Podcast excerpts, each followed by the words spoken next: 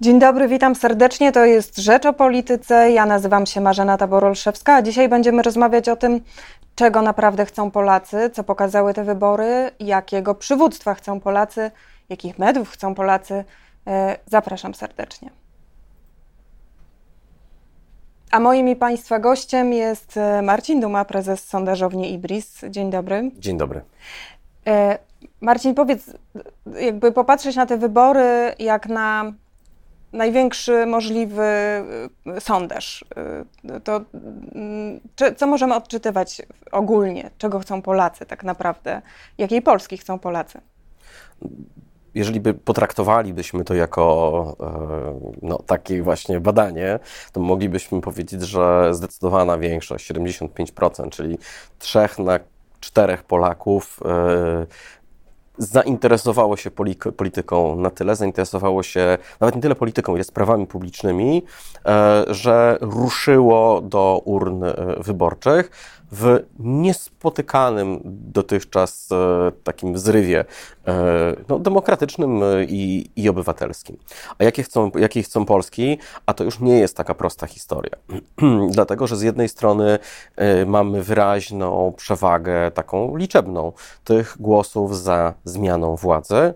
Tutaj chwali się ta tak zwana opozycja demokratyczna, że ma ponad 11 milionów y, głosów. To jest niesamowita liczba, ale z drugiej strony mamy 7 milionów 600 tysięcy osób, które zagłosowało jednak mimo wszystko za kontynuacją.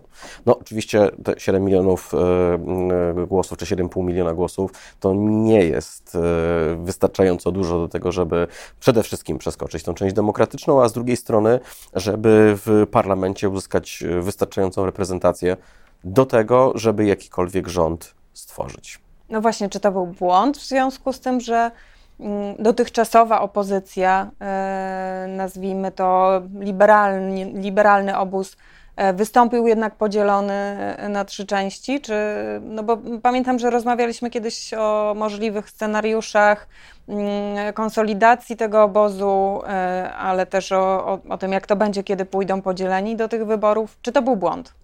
Sami komentatorzy byli, czy też eksperci byli podzieleni i wskazywali na to, że jednak mimo wszystko pójście razem będzie złe, bo wzmocni polaryzację, a ta trzecia droga, tylko nie trzecia droga koalicja, tylko trzecia droga, w sensie trzecia partia, którą wówczas byłaby Konfederacja, znacznie się wzmocni. Inni eksperci z kolei mówili, że mm, e, właśnie tylko w ten sposób e, uda się uzyskać wystarczającą taką masę krytyczną opozycji, żeby e, PiS pokonać nie tylko w, mandatowo, co i tak się stało, ale także, żeby go pokonać no, tymi liczbą, procentami. Żeby zdobyć pierwsze miejsce. Żeby zdobyć pierwsze, żeby zdobyć pierwsze miejsce, no i żeby pokazać e, temu PiSowi, gdzie jest jego miejsce i że to nie jest dzisiaj najchętniej wybierana y, partia. Tyle tylko, że to już wszystko jest przeszłość i być może te spory będą jeszcze gdzieś tam wśród ekspertów trwały. Niemniej jednak okazało się, że ten szyk opozycyjny E, zdecydowanie dał opozycji wystarczającą, mm, wystarczające możliwości do tego, żeby sobie z odsunięciem PiSu od władzy poradzić. E, mm, Marcin, czy, czy, dla Ciebie, jako dla obserwatora takiego bardzo wnikliwego tych nastrojów społecznych, e, rysuje się coś wyjątkowego w, w tych wyborach? Czy, czy zauważyłeś, że, że coś nowego, jakieś nowe nastroje społeczne się pojawiły?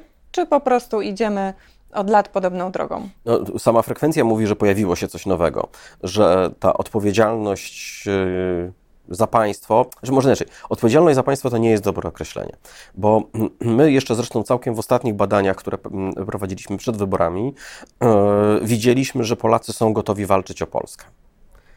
Każdy o trochę inną. Niemniej jednak kiedy ich pytaliśmy o tym, czy Polska jest w ogóle fajnym miejscem do mieszkania, przez co, znaczy nie wszyscy, znacząca większość, ponad 70% mówią, że tak, że to jest fajne miejsce do tego, gdzie chcielibyśmy mieszkać i jednocześnie no, będziemy chcieli walczyć, czyli e, w ramach oczywiście gry demokratycznej i, i reguł demokratycznych, starać się o taką Polskę, o takich rządzących, Polski. którzy nam tę naszą wizję y, zapewnią. I w pewien sposób okazało się, że te, mm, te przewidywania y, no, się sprawdziły, bo jeżeli tyle osób poszło do, do wyborów, to znaczy, że zależy im na Polsce, znaczy zależy im na kraju, zależy im na państwie.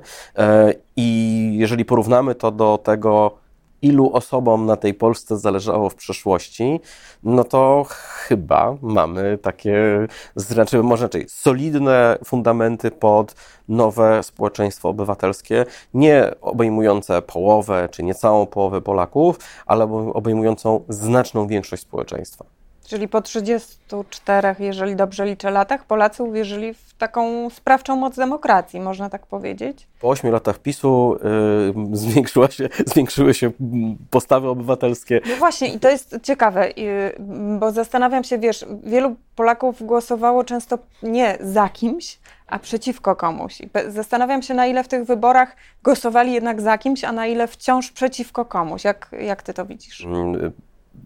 Trochę jest tak z Polakami, jak na przykład z Amerykanami. To znaczy, dużo częściej głosujemy, e, nawet jeśli nie do końca się tego przyznajemy, e, zagłosujemy mm, przeciwko komuś, a nie dlatego, że tak bardzo kochamy tę opcję, którą, e, no, którą tam zaznaczamy na karcie wyborczej. E, my w tych wyborach, w dniu wyborów prowadziliśmy takie badanie, które między innymi to miało oszacować i tu rzecz ciekawa, znacząca większość y, wyborców PiSu głosowała za swoją partią, to 77%. Natomiast w przypadku opozycji e, to było prawie 50-50, znaczy 55 do 45. 45% osób, które oddały swoje głosy na partie opozycyjne, głosow- mówimy oczywiście o tej opozycji z, mm, z Paktu Senackiego, tak, czyli o Koalicji Obywatelskiej e, Lewicy i Trzeciej Drodze, e, to tam niemal połowa głosowała przeciwko, a nie za swoją partią. Czyli, Czyli przeciwko wciąż... PiSowi, a nie tak. za tą partią, którą sobie e, wybrali.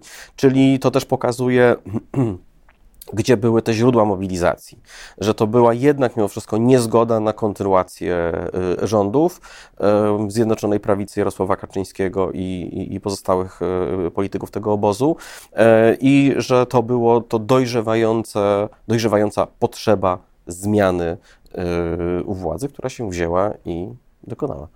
Czy to jest standard y, na przykład w zachodnich społeczeństwach, że, że, ludzie właśnie głosują, bo wspomniałeś o Stanach Zjednoczonych, no tam mamy bardzo mocną polaryzację, e, ale czy, czy, czy w ogóle to jest standard, że ludzie jednak częściej albo często głosują przeciwko, a nie za którąś z partii?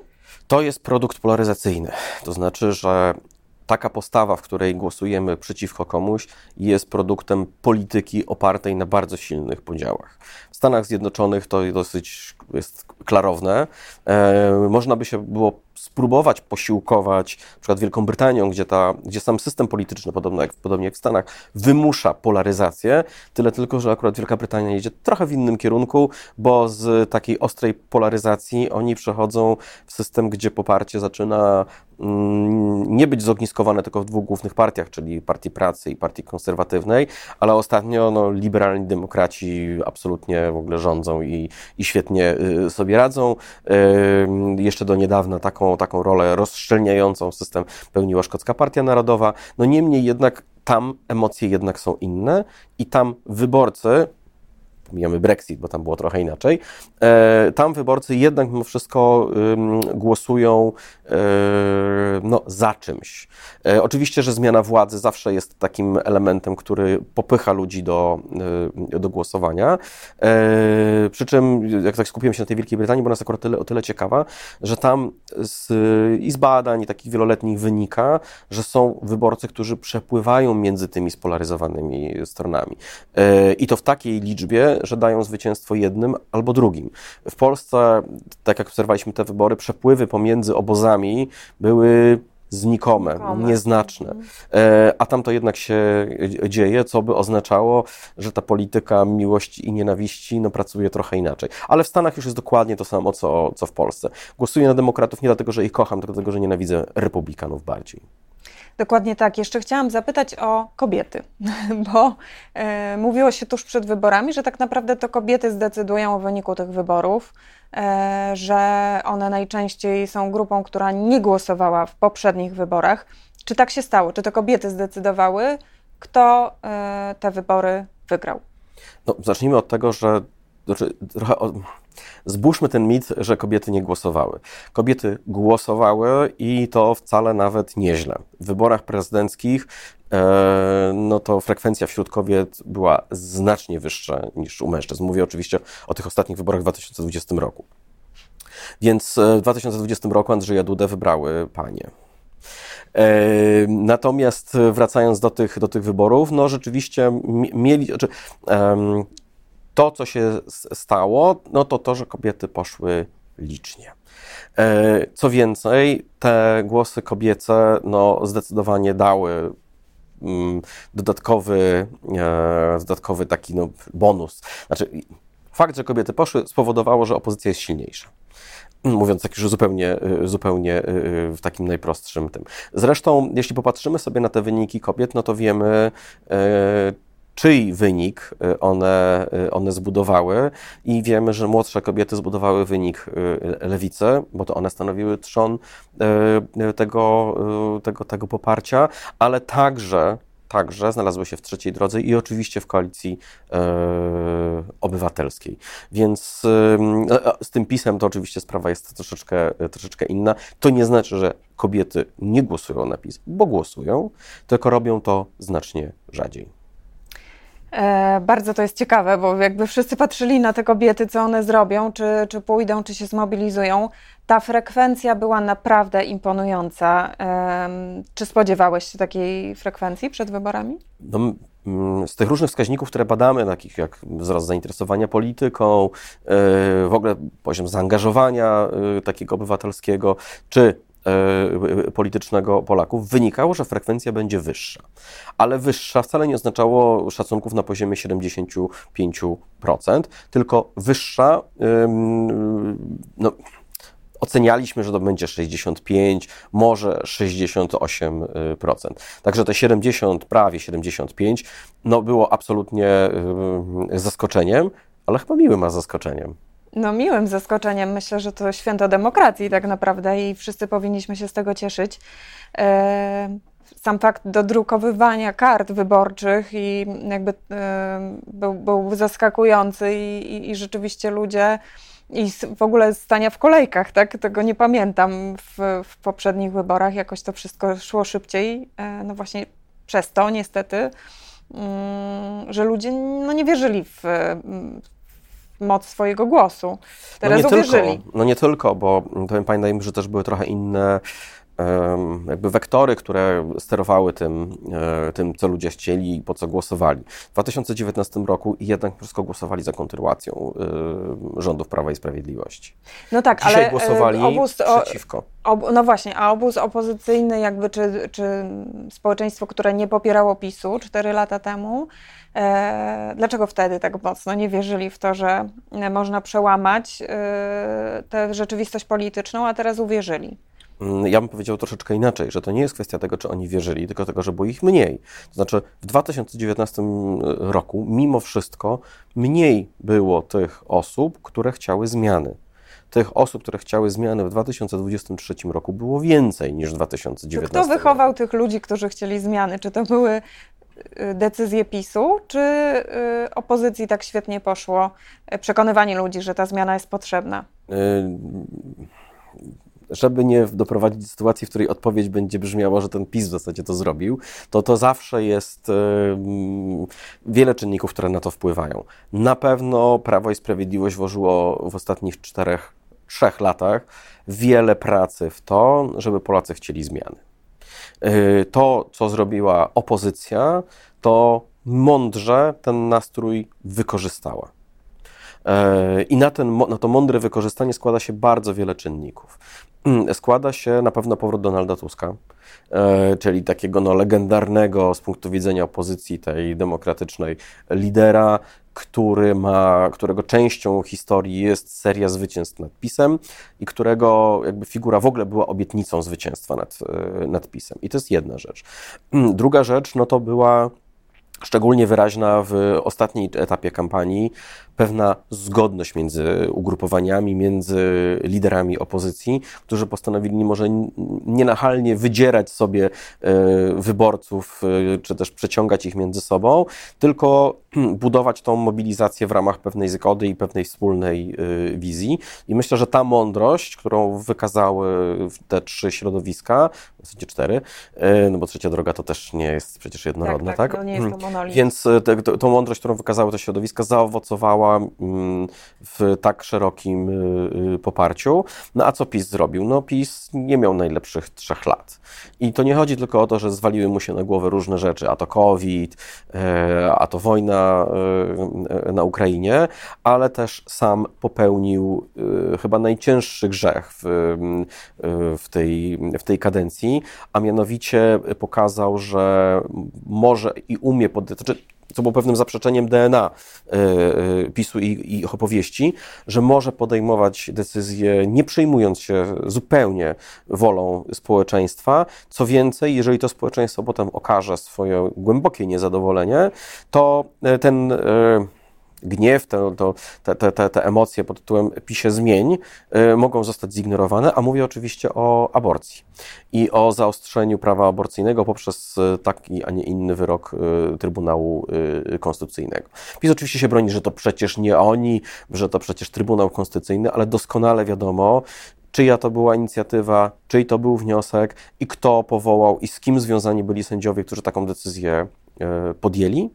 W związku z czym, e, choćby PiS bronił się rękami i nogami, e, ta odpowiedzialność spoczywa na, tej, na tym ugrupowaniu za to ograniczenie, jak również za zaniedbanie oczekiwań społecznych, żeby po tej chciałbym powiedzieć padce i potknięciu, ale to jest coś znacznie poważniejszego. Po tej katastrofie e, jednak spróbować jakiś damage control wprowadzić.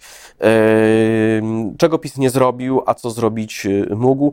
Mógł zrobić to, co pewnie za chwilę zrobi opozycja, czyli spróbować zdepenalizować, y, y, dekryminalizować aborcję, czyli nie doprowadzić sytuacji, w której ona będzie legalna, tylko której nie będzie karana. Znaczy, której lekarze nie będą się osoby, które pomagają w której osoby pomagające, czyli lekarz, nie wiem, koleżanka, kolega, organizacja, która wysyła e, tabletki e, boronne, nie będzie ponosić e, odpowiedzialności karnej. W ten sposób stworzyć sytuację, w której zakres tego, co państwo gwarantuje, sprowadza się do tych dwóch wyjątków i tam zabieg będzie legalny, natomiast cała reszta nie będzie dostępna w ramach publicznej usługi, ale prywatnie będzie już dostępna. No oczywiście jest to pewne wykluczenie klasowe dla osób najbiedniejszych, yy, które w prywatnym takim obiegu będą miały większy problem, żeby sobie z tym poradzić. No więc e, jakby nie analizujmy aborcji, wróćmy do tego.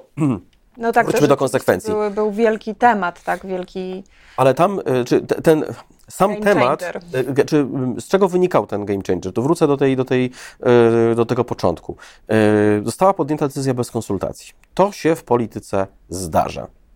Została podjęta decyzja to się bez... nazywa rządy autorytarne, no. Eee, to już. No jakbyśmy, czy znaczy może inaczej, jak, jak, będziemy szli tą drogą, to się okaże, że w ciągu ostatnich 30 lat było wiele takich decyzji e, podejmowanych przez rządy demokratyczne, które potem były robione wbrew oczekiwaniom społecznym i przyniosły określoną y, y, karę. Bo taką aborcją, cudzysłów, Platformy Obywatelskiej był wiek emerytalny. Oczywiście. Ale nie powiedzielibyśmy,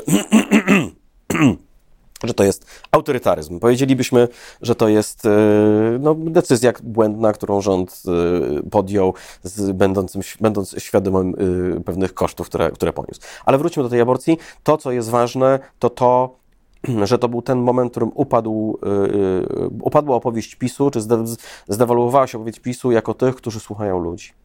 Bo jeżeli weźmiemy pod uwagę e, poglądy samych wyborców PiSu, to niemal połowa z nich akceptuje postulat e, legalnej aborcji do 12 tygodnia.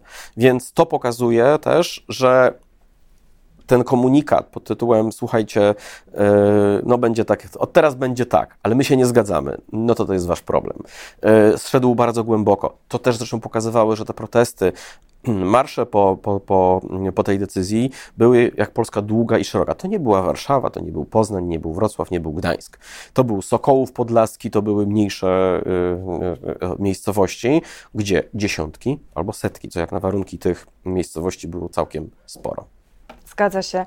E, na koniec chciałabym zapytać o mm, jakość przywództwa, o, o, o to, e, czy Polacy w tych wyborach podjęli decyzję, jakiej jakości przywództwa chcą. Czy można powiedzieć, że tak naprawdę to było starcie Jarosława Kaczyńskiego z Donaldem Tuskiem, a może jeszcze z kimś innym? E, jakiego przywództwa potrzebujemy w 2023, 2024 i kolejnych latach? Znaczy w ciągu ostatnich 18 lat jesteśmy tacy spętani w zasadzie e, rywalizacją Donalda Tuska i Jarosława Kaczyńskiego.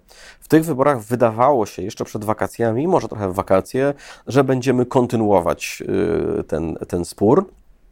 I ja myślę, że Jarosław Kaczyński był przygotowany na to, żeby tak to właśnie wyglądało, a Donald Tusk y, hmm, zrobił unik, ale taktycznie bardzo mądry. To znaczy, w momencie, w którym przytulił do siebie 1 października z jednej strony Włodzimierza Czarzastego, Roberta Biedronia, z drugiej strony Hołownię, Szymona Hołownię i Władysława Kośniaka-Kamysza, pokazał, że ten podział to już tak nie będzie działał, że to nie będzie prostej dychotomii Tusk-Kaczyński.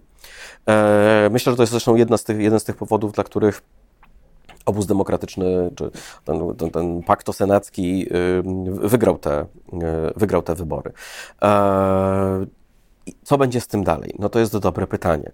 No bo Jarosław Kaczyński, mając lat 74, e, no myślę, że to już jest taki czas, w którym człowiek dokonuje pewnych rozliczeń, e, segreguje dokumenty i zastanawia się, co po nim, e, co po nim zostanie, bo ten czas jego aktywności raczej się już kończy.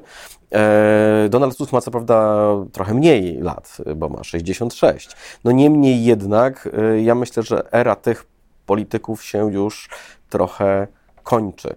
Co zresztą widać po wynikach wyborczych młodych polityków, którzy w tych wyborach poradzili sobie świetnie, nie zawsze mając super i świetne miejsca. Więc ja myślę, że ta, mm, ta zmiana, ta chęć zmiany e, dotyczyła nie tylko PiSu, ale też no, taka tej zmiany pokoleniowej y, w polityce. No teraz, teraz kto to będzie polaryzował no teraz? No kto to, to teraz będzie? Kto to będzie? Czy to będzie poseł Szłapka? Czy to będzie Anna Maria Żukowska? Czy to będzie Magda Biejat? Czy to kto będzie, tak? E, czy, no, bo wciąż przecież młody i Szymon Hołownia, czy, czy, czy Władysław Kosiniak-Kamysz. E, ja myślę, że to jest taka rzecz, której my dzisiaj nie wiemy i choćbyśmy tu posadzili najtęższe głowy, to się nie dowiemy. Bo to zawsze, jak to w polityce, rządzić będzie przypadek. Ktoś będzie miał dobrą debatę, na przykład Szymon Hołownia, i nagle wyrośnie na, na lidera. E, tak a propos, właśnie jeśli mówimy o tym przywództwie, to ten przykład debaty jest bardzo fajny, bo Szymon Hołownia i, i Trzecia Droga no, wydawali się w takiej pozycji trudnej. Donald Tusk mówi, no pomóżcie, zagłosujcie tam na nich, tak? Po czym przychodzi debata, gdzie Donald Tusk taki konsensus opinii y, był taki, że wypadł słabo.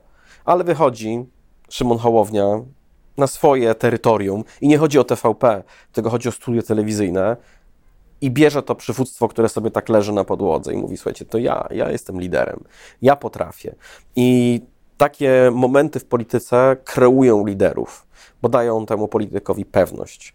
E, z drugiej strony on ma też mówię o Szymonie Hołowni, ma też tą świadomość, że porażki i, i to, że na, dzisiaj jesteś na górze i to jesteś na dole, się zdarzają, bo on już na dole prawie był. E, ale to wszystko buduje stabilność, doświadczenie takiego, takiego polityka i dla utrzymania tego odbicia, które on e, miał w, w debacie, i też, e, jeśli spojrzymy na ostatni ranking zaufania, na przykład, tak, Szymon Hołownia, ogromny wzrost bo debata, bo zwycięstwo, bo przywództwo. E, I choć wydawało się, wielu osób już wiele osób postawiło krzyżyk na Szymonie, na Szymonie Hołowni, może to być jeden z tych naprawdę głównych rozgrywających ze względu na doświadczenie i ze względu na pewną legendę, którą on może dzisiaj sobie na tym zbudować. Bardzo to wszystko jest ciekawe. Mogłabym tak jeszcze rozmawiać z Tobą dwie godziny, ale niestety nasz czas się skończył. Dziękuję serdecznie. To była Rzecz o Polityce, e, a moim i Państwa gościem był Marcin Duma z Sondażowni Ibris. Dziękuję, Dziękuję bardzo.